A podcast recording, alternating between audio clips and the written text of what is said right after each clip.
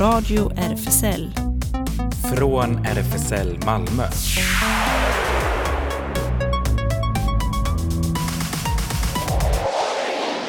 Välkommen till Radio RFSL, Riksförbundet för homosexuellas, bisexuellas, transpersoners, queeras och intersexpersoners rättigheter.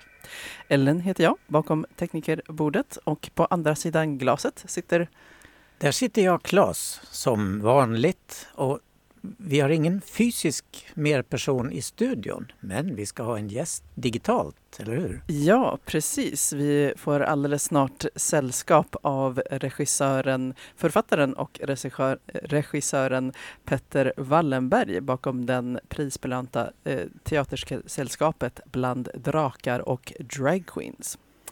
Ja, det är ett sällskap där kända svenska dragartister framför sagor för barn och deras senaste uppsättning Lilla jag och drakarnas drottning kommer till Malmö nästa vecka. Ja, och sen eh, ska vi berätta om en dokumentär också som finns på SVT. Välkommen till eh, Tjetjenien som, eh, ja, vad säger du?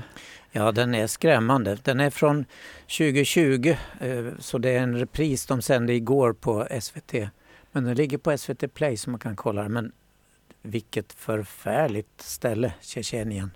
Ja, just det. det jag såg faktiskt eh, lite i början på den och eh, ja, den eh, Ja, det, lå det, låter inte så bra helt nej, enkelt, men nej, samtidigt så Gud. kommer jag se den. Uh, ja. ja, jag rekommenderar den för alla att se. Ja.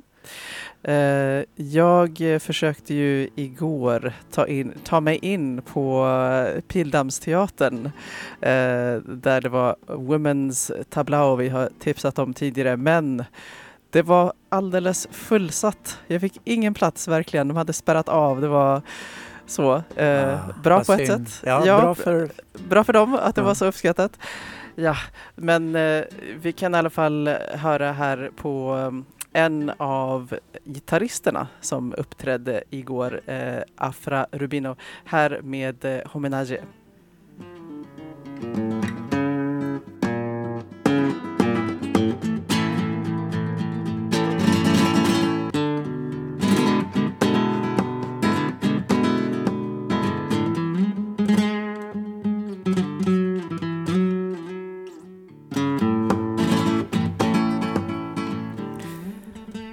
Afra Rubino med Homenage. Väldigt fin gitarr, gitarrspelande och dans var det. Ja, kan man dansa flamenco till så det står härliga till. Ja. Vi har med oss nu, tror jag, Petter Wallenberg, eller? Hallå? Är du med oss, Petter? Ja, nu jag hörs du. med. Ja. Så bra. Eh, hör du mig också? Vi har haft problem ibland med den här micken. Jag hör dig väldigt svagt, men jag hör dig. Okej. Okay. Ja, jag ska hålla mig nära mikrofonen. Eh, ja, du, ni är i Borlänge just nu, va? eller hur? Ja, vi, eh, vår turné är i Borlänge, men jag är i Stockholm just Aha, nu. Okej, okay. ja, ja. Ja, turnén eh, vandrar ju runt landet nu eh, via folkparkerna. Eh, och ni hade ju eh, ett, en hatattack när ni var i Jönköping den 15 juli. Eh, ja, det stämmer. Ja. Har ni haft något mer elände med NMR? Vi har ju haft det förra om åren. Det blev ju väldigt uppmärksammat när eh, NMR attackerade eh, vår, två föreställningar i en koordinerad attack för tre år sedan. Mm -hmm. och gjorde ungefär samma sak som de gjorde i Jönköping nu. Att de eh, spärrar av byggnaderna med sin tejp och sina budskap. Mm. Sen har de ju även kommit till våra föreställningar. Eh, för fyra år sedan så kom de när vi gjorde en föreställning i Östersund. Så att vi har ju haft en hel del hat och hot från dem genom åren. Ja, det är ju ett elände. Nu, du har ju en, eh, en fantastiskt dragshow-teatersällskap. Vi kanske ska börja med det. Bland drakar och dragqueens. Ja, det stämmer. Som turnerar sedan 2017. Kan du berätta vad, vad gör ni? Ja, eh, jag grundade Bland drakar och drag queens 2017. Eh, och eh, från början så var vi på Stadsbiblioteket och det var vi som introducerade konceptet att eh, dragartister eh, läser sagor för barn i Sverige. Eh, och, Eh, men med åren så har det vuxit och blivit, eh, vi har blivit ett teatersällskap. Vi skriver egna, egna föreställningar, musikaler eh, och vi fortsätter även med våra sagostunder. Och vi gör 150 föreställningar om året ungefär. Turnerar hela landet runt. Och just nu är vi ute på en folkparksturné i hela Sverige med vår egenskrivna musikal Lilla jag och Drakarnas drottning. Ja, det låter ju gulligt. Och det är uppskattat förstår jag runt om. Ja, alltså det är helt fantastiskt att, äh, att den har blivit så populär. Äh, det blir publikrekord på nästan varje ort. Äh, 300 kom häromdagen när de var i Tumba. och de flesta platserna brukar bli fullbokade på nolltid. Så det, det är jättekul.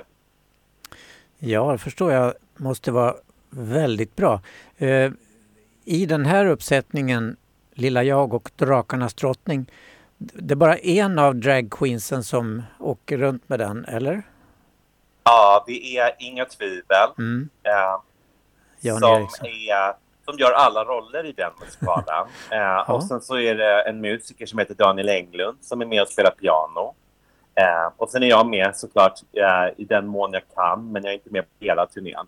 Nej. Eh, men vi brukar ju dela upp det så att vi, vi, vi delar upp ensemblen. Eh, så att eh, alla är inte alltid med varje gång. Utan, utan eh, i den här föreställningen så är det bara inga tvivel. Mm. Men i övrigt i sällskapet ingår tant Henrik och Björta, har jag förstått. Det stämmer det. Ja. Eh, vad blir... Inga tvivel tant Henrik och Björta och jag. Det är Ni- vi som är bland Drakar och Drag Queens. Just det. Eh, och ni kommer till Malmö nästa vecka. Eh, först Ja, på det gör vi. Två, två gånger är vi i Malmö. Eh, just det. På Lindängen på tisdag och sen i Folkets park eh, på onsdagen den 2 augusti. Ja, Är du med då? vi jättemycket fram emot. Ja. Kommer du med då till Malmö eller blir du kvar i Stockholm? Jag ska försöka.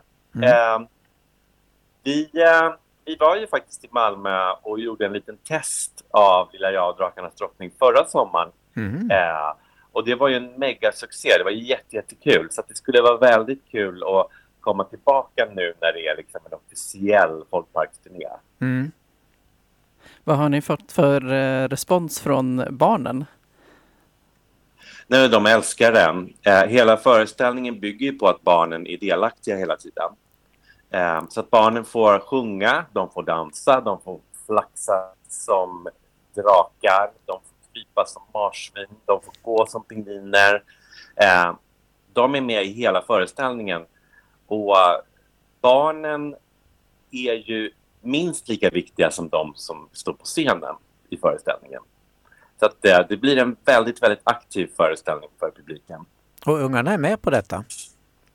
Ja, barnen tycker att det är jättekul. Ja. Det, det är ju, hela föreställningen är ju utformad för att, för att barnen ska ta tillvara på sin energi och sitt spring i benen. Så det är ju som en halvtimmes eh, delaktighet med, med lek och sång och dans. Barnen tycker att det är jättekul. Ja, det är ingen, ingen scenskräck bland dem. Barn, barnen, är inte upp, barnen är inte uppe på scenen utan de Nej, är i publiken och, och, och utagerar föreställningen i, i publiken. Ja, Mm. okej. Vi ska fortsätta prata, men eh, Petter, du har ju valt eh, två låtar vi ska spela. Den första är Freedom med Rainbow Riot. Så vill du bara ge en liten kort bakgrund till den? Ja, eh, Rainbow Riots är min organisation som jag har grundat. Eh, där vi jobbar för hbtq-rättigheter eh, världen över och framförallt med fokus på länder där det är olagligt att vara hbtq. Eh, så att jag har jobbat väldigt mycket i Uganda och eh, vi jobbar ju med kreativa uttryck. Eh, så att vi har jag har gjort musik med ugandiska hbtq-sångare och den första singeln som vi släppte heter Freedom. Okej, Då lyssnar vi på den. Yes.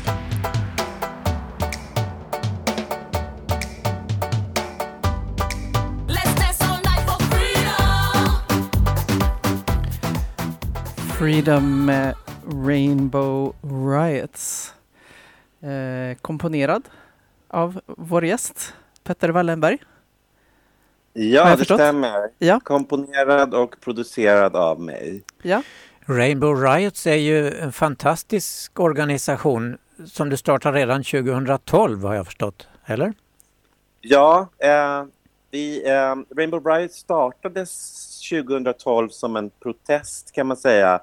Eh, och själva organisationen grundades 2015 när jag åkte till Uganda första gången. Okej. Vad säger du om utvecklingen just nu i Uganda med den nya lagen som Museveni undertecknade nu i maj? Ja, det är fruktansvärt. Eh, och eh, vi jobbar ju fortfarande i Uganda med Rainbow Riots.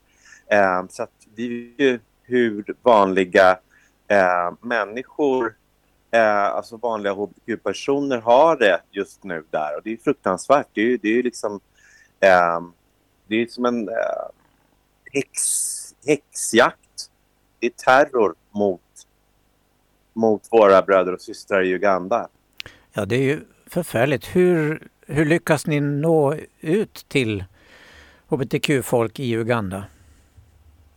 Ja, alltså när jag började jobba där så var det ju, det fanns en känsla av hopp att saker och ting skulle bli bättre.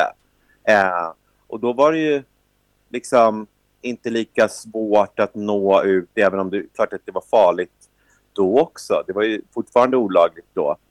Eh, eller det var olagligt redan då kan man säga.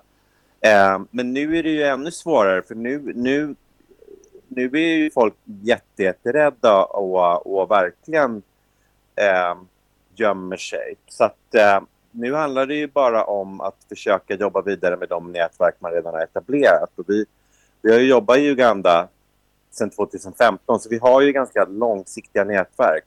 Men det är hemskt och det är tufft. Det är ju många som flyr därifrån. Eh, Ja, det är förfärligt och det sprider sig nu. Ghana ska, verkar det, stifta liknande lagar och Kenya också. Vad, vad, vad ska vi göra åt det? Vad kan vi göra? Ja, det, är, alltså, det är ju det är väldigt, väldigt tufft läge och man ser ju de här lagarna lite här och var. Och det som är viktigt är att försöka liksom belysa det och upplysa världen och det är det jag försöker göra med, i mitt arbete, arbete med Rainbow Riots. Men man märker ju också att eh, det, det är svårt att nå ut i i, i, i nyhetsbruset. Eh, och många hbtq-personer själva är ju inte så eh, insatta i hur vi har det på andra platser i världen heller. Så att det, det, det är svårt. Det, det är en svår kamp att ha, föra. Om man nu skulle vilja hjälpa till, eh, hur får man kontakt med Rainbow Riot? Så kan man donera pengar eller något sånt? Ja, det, det går ju att donera till Rainbow Riots på vår hemsida rainbowriots.com. Eh, så att vi, upp, vi uppskattar ju allt support som vi kan få eh, och även liksom eh, att hjälpa till på andra sätt genom att eh, prata om Rainbow Riots och hålla liksom vårt arbete vid liv på olika sätt. Mm. Ja, vi försöker dra vårt strå till stacken här på Radio RFSL genom att i våra nyheter spegla vad som händer runt om i världen eh, för hbtq-samhället. Ja, och det är bra. Det, det är lätt. Eh, många hbtq-personer blir väldigt historielösa. För vi, eh, vi blir ju historielösa på grund av hur vi växer upp i ett heteronormativt samhälle och sammanhang. Vi föds ju ensamma, så att vi måste hitta vår historia. Och, och därför är det ju väldigt bra att försöka hitta olika sätt att, att, eh, att berätta om, om hur vår situation är både förr och nu. Ja, just det. Apropå historia, vad är det för eh, krafter ser du bakom den här, ja nu senast, lagändringen och eh, upptrappningen av, eh, ja som du beskriver det, häxjakten på hbtq-personer? I Uganda? Ja, Ja, alltså...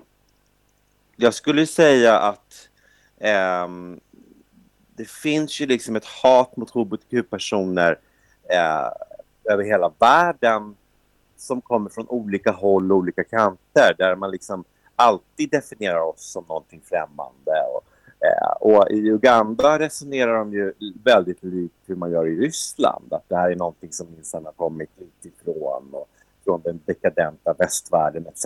Och, eh, så att liksom synen på oss är ju samma oavsett vilka politiska inriktningar det kommer ifrån. Eh, och det är att, att vi alltid, vilket land det än handlar om, så är det alltid att vi kommer utifrån. Eh, så att i många länder där man ska försöka hävda sin egen identitet på något sätt så blir vi ett väldigt enkelt slagträ där man säger titta, det här är en influens som har kommit utifrån. Eh, så att eh, där är det också väldigt eh, viktigt att, att kunna sin historia och att veta att så här, eh, homosexualitet eh, och olika eh, former av, eh, av trans, transidentiteter eh, etc. har ju funnits i alla kulturer i hela historien. Eh, och det, det har ju varit pendeln, pendel som har svängt fram och tillbaka.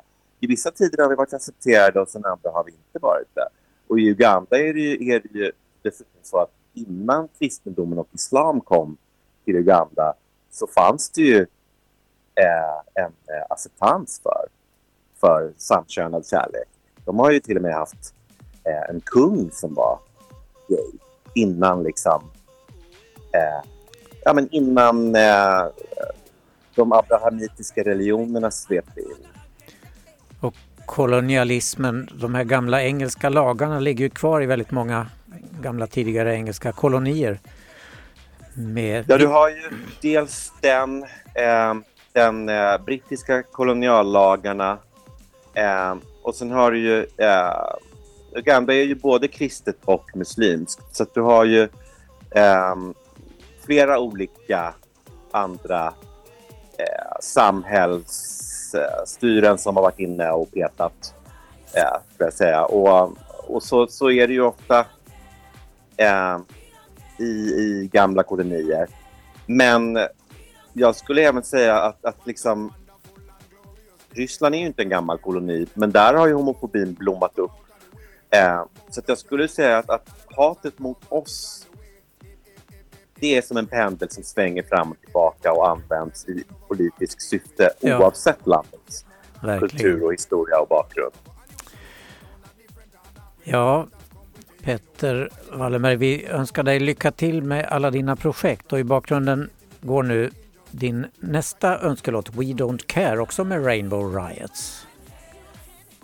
Ja, Tack för det är att du vår kom. senaste Alper. Okej, Eh, tack så mycket för att jag fick vara med. tack, Tack själv. Hej då. hej då! Hej då.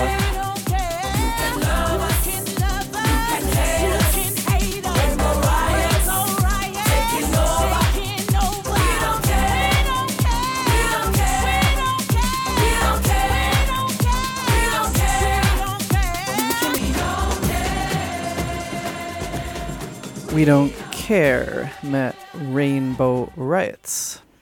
Ja, och den sången skulle ju mycket väl kunna passa in även i förhållandena i Tjetjenien till exempel. Vilket eh, vi fick stifta närmare bekantskap med igår på SVT när de sände dokumentären Välkommen till Tjetjenien. Mycket ironisk titel. Ja, just det. Jag känner igen den. Jag undrar om inte den kan ha gått på förra årets eh, Malmö Queer Film Festival. Det kanske den gjorde. Och den Kanske. har sänts i, i tv. Den är från 2020 så den sändes första gången i Sveriges Television 2021. också. Ja, och den, den amerikansk dokumentär som har filmats med dolda kameror och med mobiltelefoner i största hemlighet eh, till stor del. Det, Tjetjenien är ju en liten delrepublik i södra delen av Ryssland, i bergsmassiven där nere. Och eh, den här filmen är då långfilmslång. Men spännande som en thriller faktiskt. Hur man smugglar folk. Eh, därför att det var 2017 som den här förföljelsen av hbtq-personer i Tjetjenien blev känd för omvärlden. Och det var tydligen mer av en slump därför att polisen i Tjetjenien grep någon eh, som de anklagade för att smuggla knark. Och den personen visade sig vara homosexuell och i hans telefon, eh, alla kontakterna tog polisen då kontakt med och förföljde. Och varje sån ny kontakt tvingade sig ifrån sig sin kontaktlista så att de, de eh, liksom spred ut och nådde fler och fler på det hemska sättet. Och de eh, tog till med fruktansvärda metoder. Eh, tortyr som ledde till döden i många fall till exempel, vilket de förnekade att det någonsin hade skett. Och Tjetjeniens alldeles vidriga diktator Ramzan Kadyrov, han förnekade i en eh, amerikansk tv-intervju som gjordes av en sportkanal att det överhuvudtaget fanns homosexuella i Tjetjenien. Och om det skulle finnas någon så får ni gärna ta hand om dem. Vi vill bli av med dem, sa han. Ja, just det. Just, just det där uttalandet minns jag har nog eh, citerats på flera ställen. Det här Mm. att det inte skulle finnas. Ja, gud, vi har sagt det här i radion också. Citerat honom. Ja, det är intressant att å ena sidan finns det inga homosexuella, å andra sidan så har de verkligen en sån organiserad eh, satsning på att leta Att rätt på alla. Ja, just det. Varför de nu gör det om det inte finns några. Mm. Men det är väl det de hoppas att de ska ta koll på allesammans. Så då blir det ju så. Men eh, när det här blev aktuellt 2017 så hela hbtq-världen i övrigt reagerade ju. Och här i Sverige var det Regnbågsfonden som började samla in pengar och på ett dygn i april 2017 kom det in en miljon kronor som gick till att Oj. stödja. Därför att eh, då fanns det en hbtq-organisation i Moskva som eh, skapade asylboende för folk som flydde ifrån Tjetjenien. Och de hjälpte också många att fly. Det var folk som var eh, förtvivlade, inte kunde komma ut ur landet. Så de organiserade eh, ja, formliga thrillerartade metoder för att få ut dem på olika sätt. Ja, jag såg att Kanada tog emot Ja, en del också, men dock inte Trumps USA. nej. Nej, nej. Eh, när man ser den här filmen så tänker man, ja, men hur kan man göra för att stödja? Petter Wallenberg berättar ju om eh, sin organisation där man kan stödja. Men i Ryssland och Tjetjenien är det ju tack vare Putins fullständigt meningslösa och hemska krig omöjligt. Därför att Ryssland är bortkopplat ifrån internationella betalningssystemen. Och även om man skulle lyckas få in några pengar så eh, anser ju Putin att alla organisationer som tar emot stöd från utlandet är i princip förrädare. Utländska agenter och ska förföljas. Så ja, jag vet inte hur man gör. Det var en modig man i den här filmen eh, som trädde fram offentligt. Alla de andra är väldigt eh, anonyma och eh, man har redan 2020 när den här filmen gjordes så hade man teknik att datordölja så att folk ser ut som folk men deras ansikte är då förändrat rent digitalt. Men han trädde fram och eh, polisanmälde vad som hade hänt i Tjetjenien. Han var ryss, jobbade i Tjetjenien och råkade då komma in i det här svepet så att han greps. Men eh, eftersom han var ryss så släkt, släppte myndigheterna honom efter eh, tortyr och allt möjligt sånt där vilket de sen ångrade när han eh, kom ut och berättade vad som hade hänt.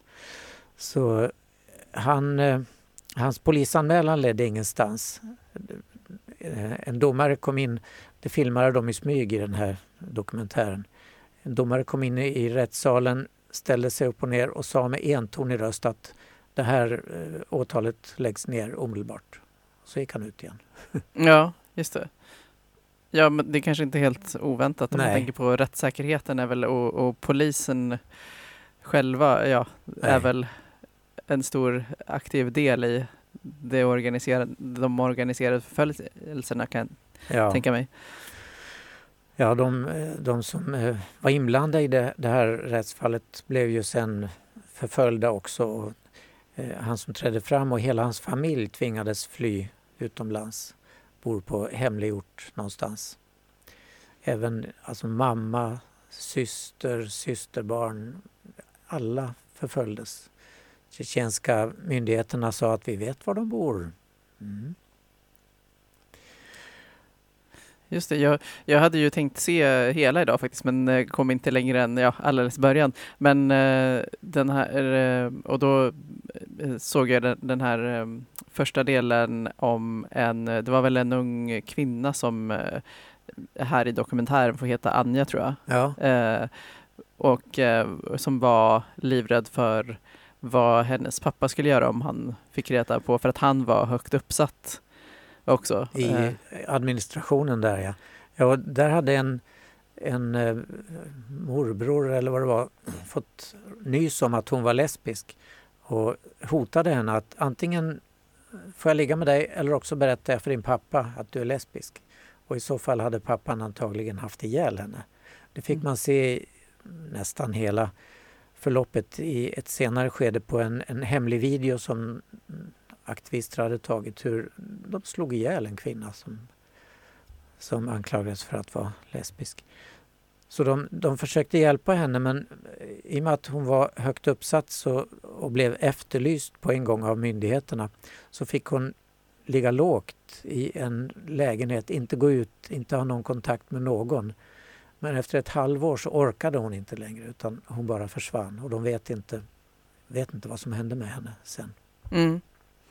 Ja, just det. Man, man skulle ju kunna tro att om man var till exempel dotter till någon högt uppsatt att man skulle ha, ja, vara lite skyddad på något vis. Men, men det kan ju Det kanske var vara tvärtom, för tvärtom. att om de, speciellt om de driver den här linjen om att det inte finns några homosexuella så blir det ju kanske desto viktigare för högt uppsatta att verkligen inte ha någon i sin egen familj. Ja, verkligen. Eh, De skulle bara veta 10% av deras släktingar är HBTQ ungefär. ja. Ja, ja. Du hittade musik som eh, hade koppling till den här. Eh, ja, precis. Det var faktiskt eh, en av låtarna som, som spelas under dokumentären. Eh, Rolling Stoner med Thomas Mraz kan vi höra.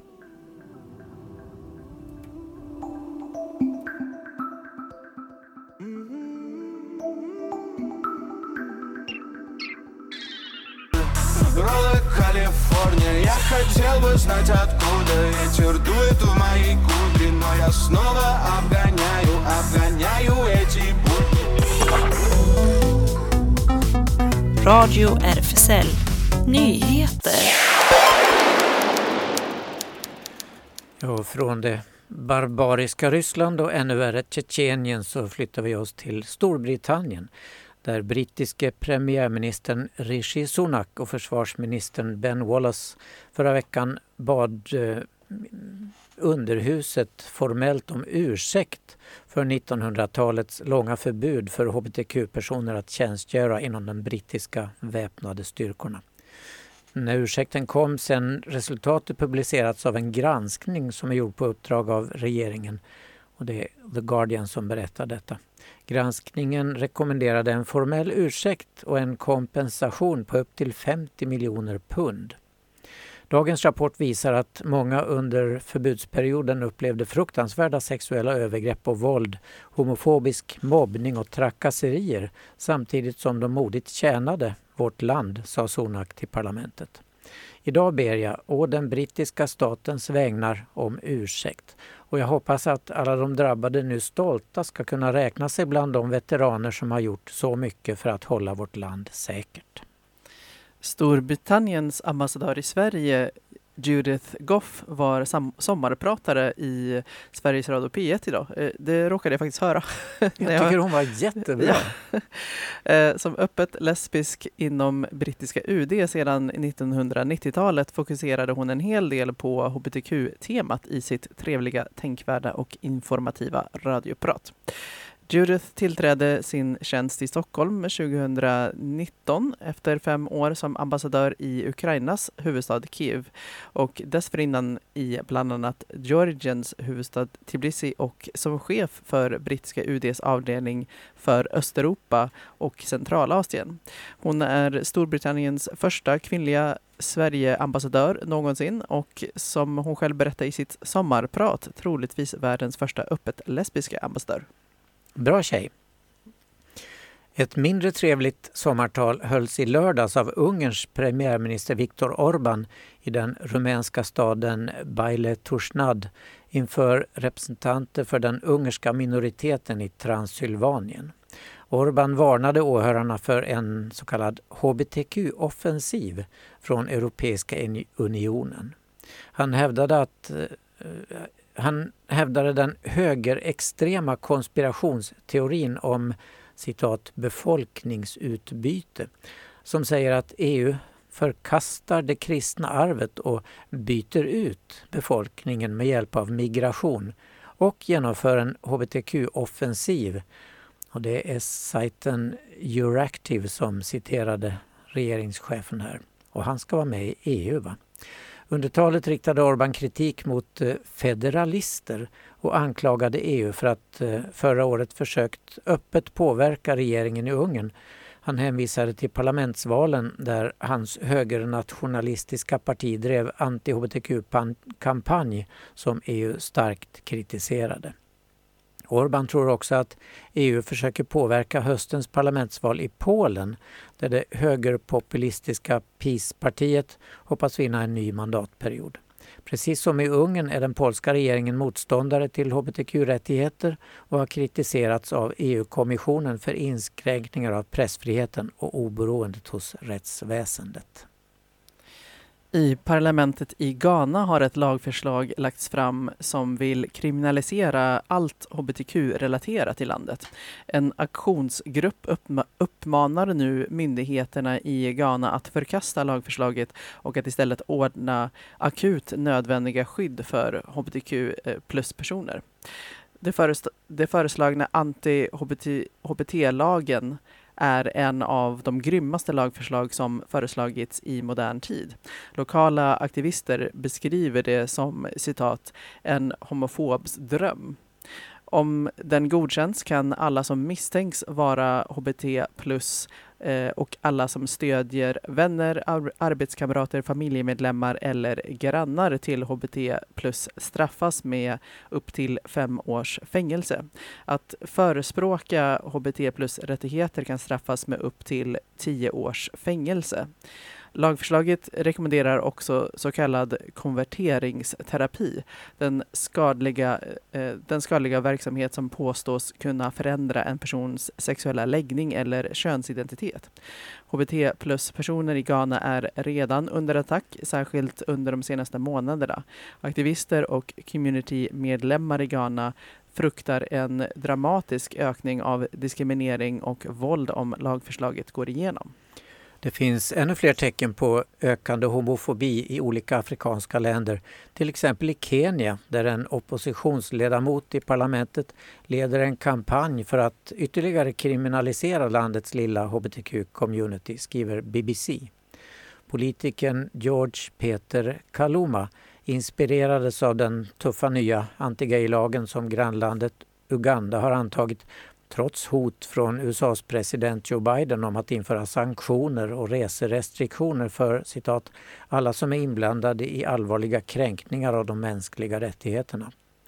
Vi vill förbjuda allt som har med homosexualitet att göra, säger Kaloma till BBCs reporter och tillägger att hans lagförslag kommer att vara mycket bredare än den lag som antogs av Ugandas parlament och godkändes av president Museveni i maj.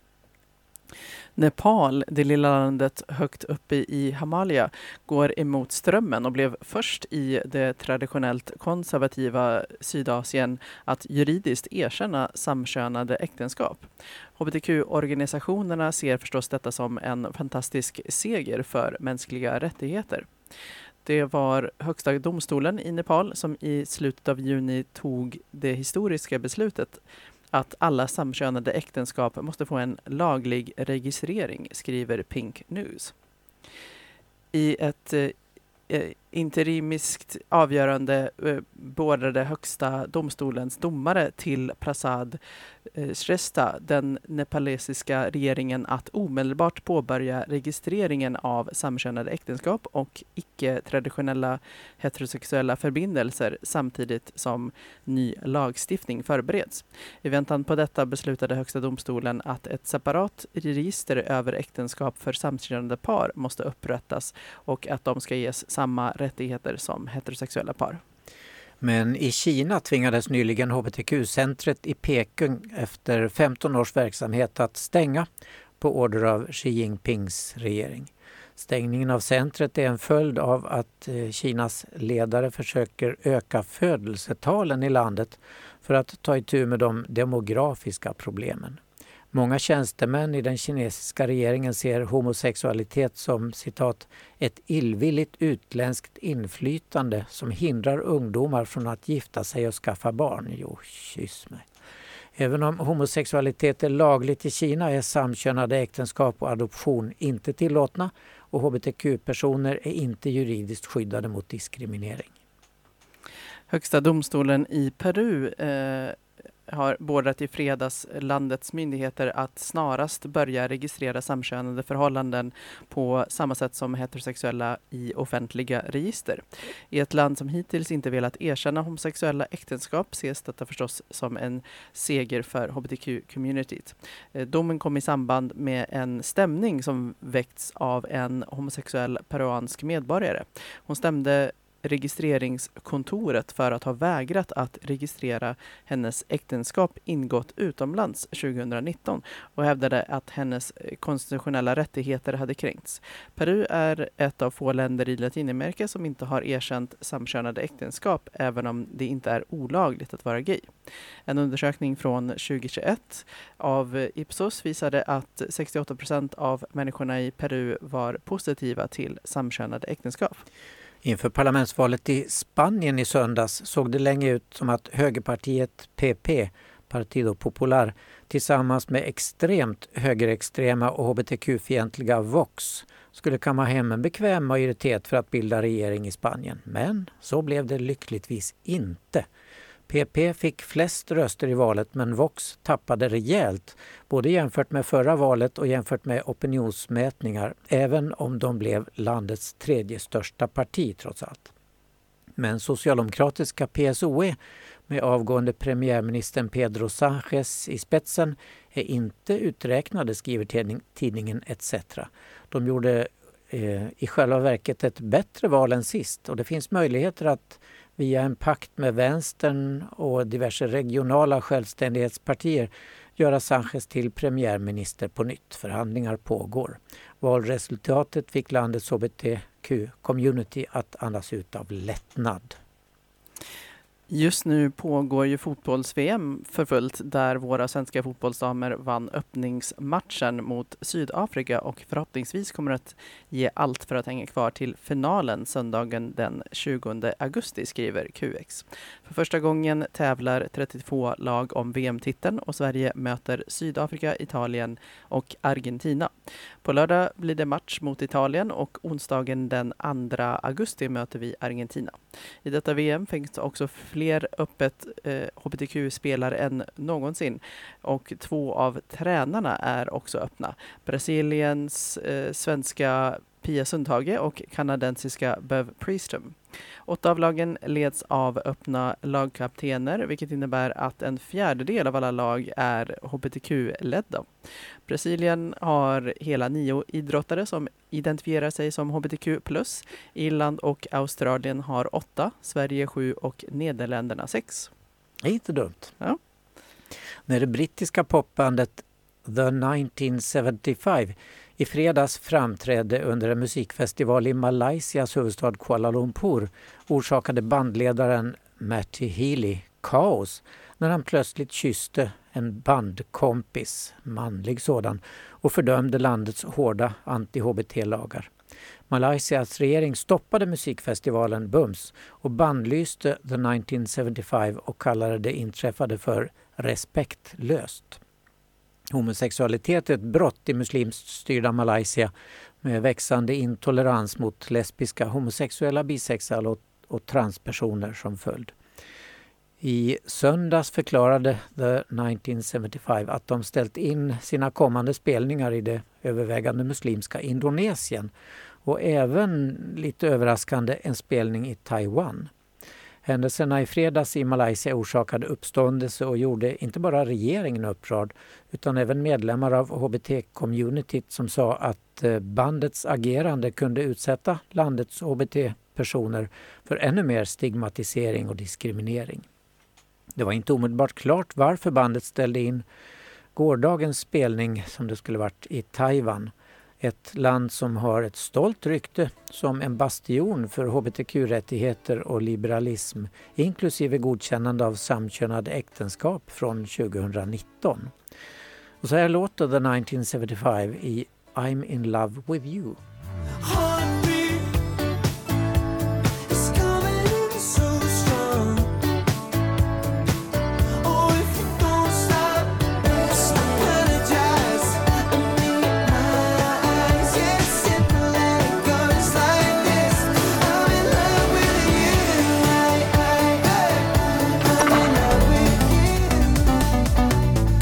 Radio RFSL. Det händer.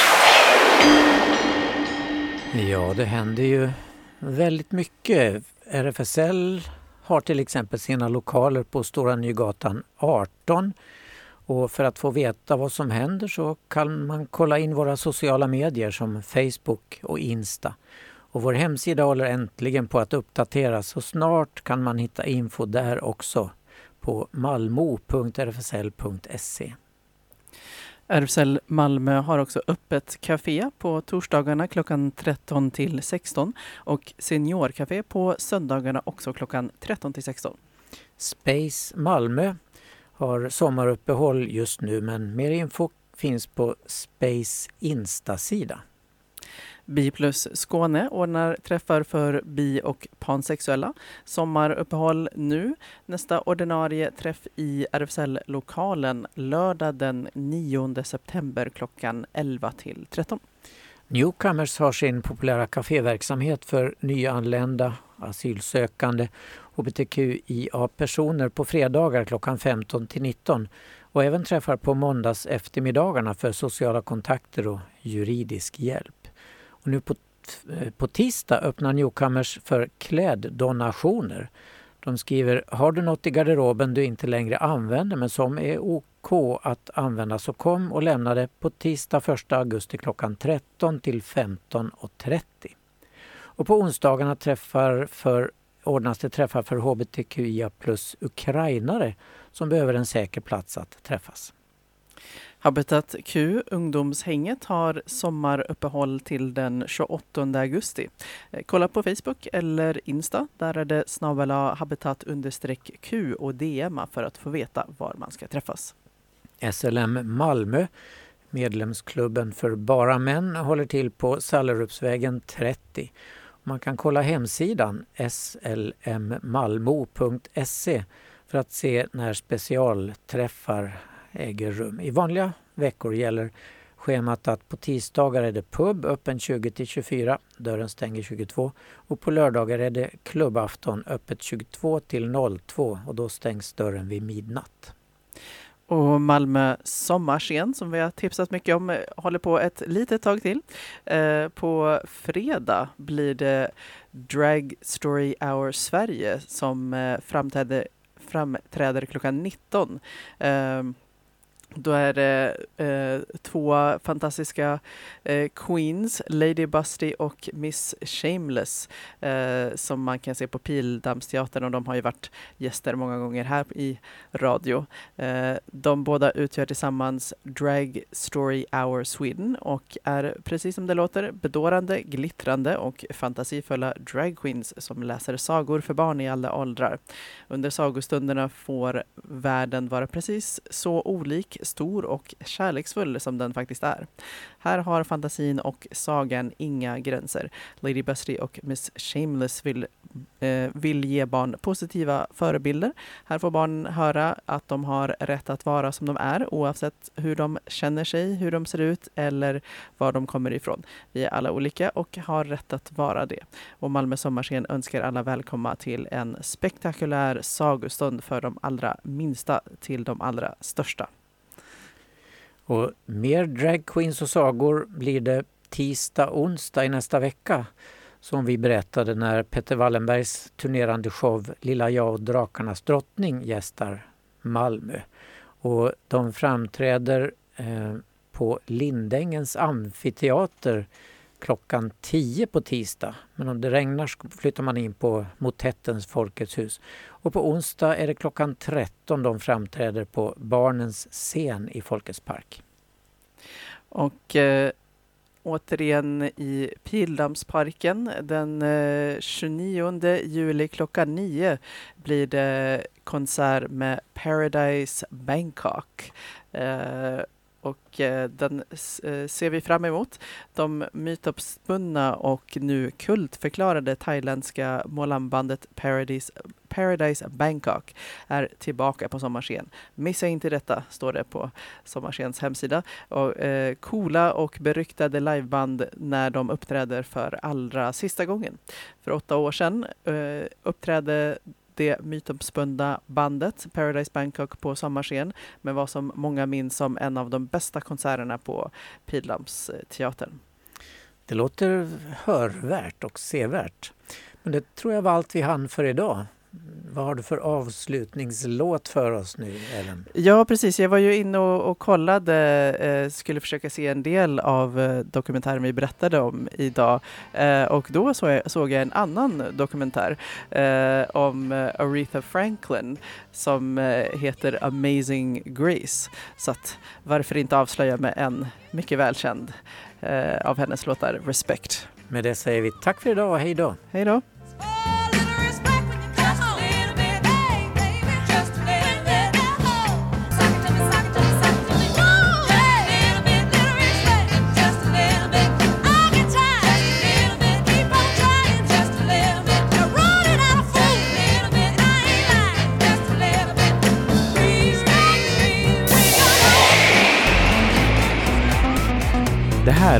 Radio RFSL.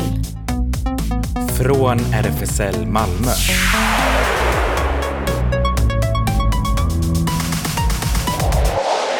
Kolla in Radio RFSL på Instagram och Facebook för mer information.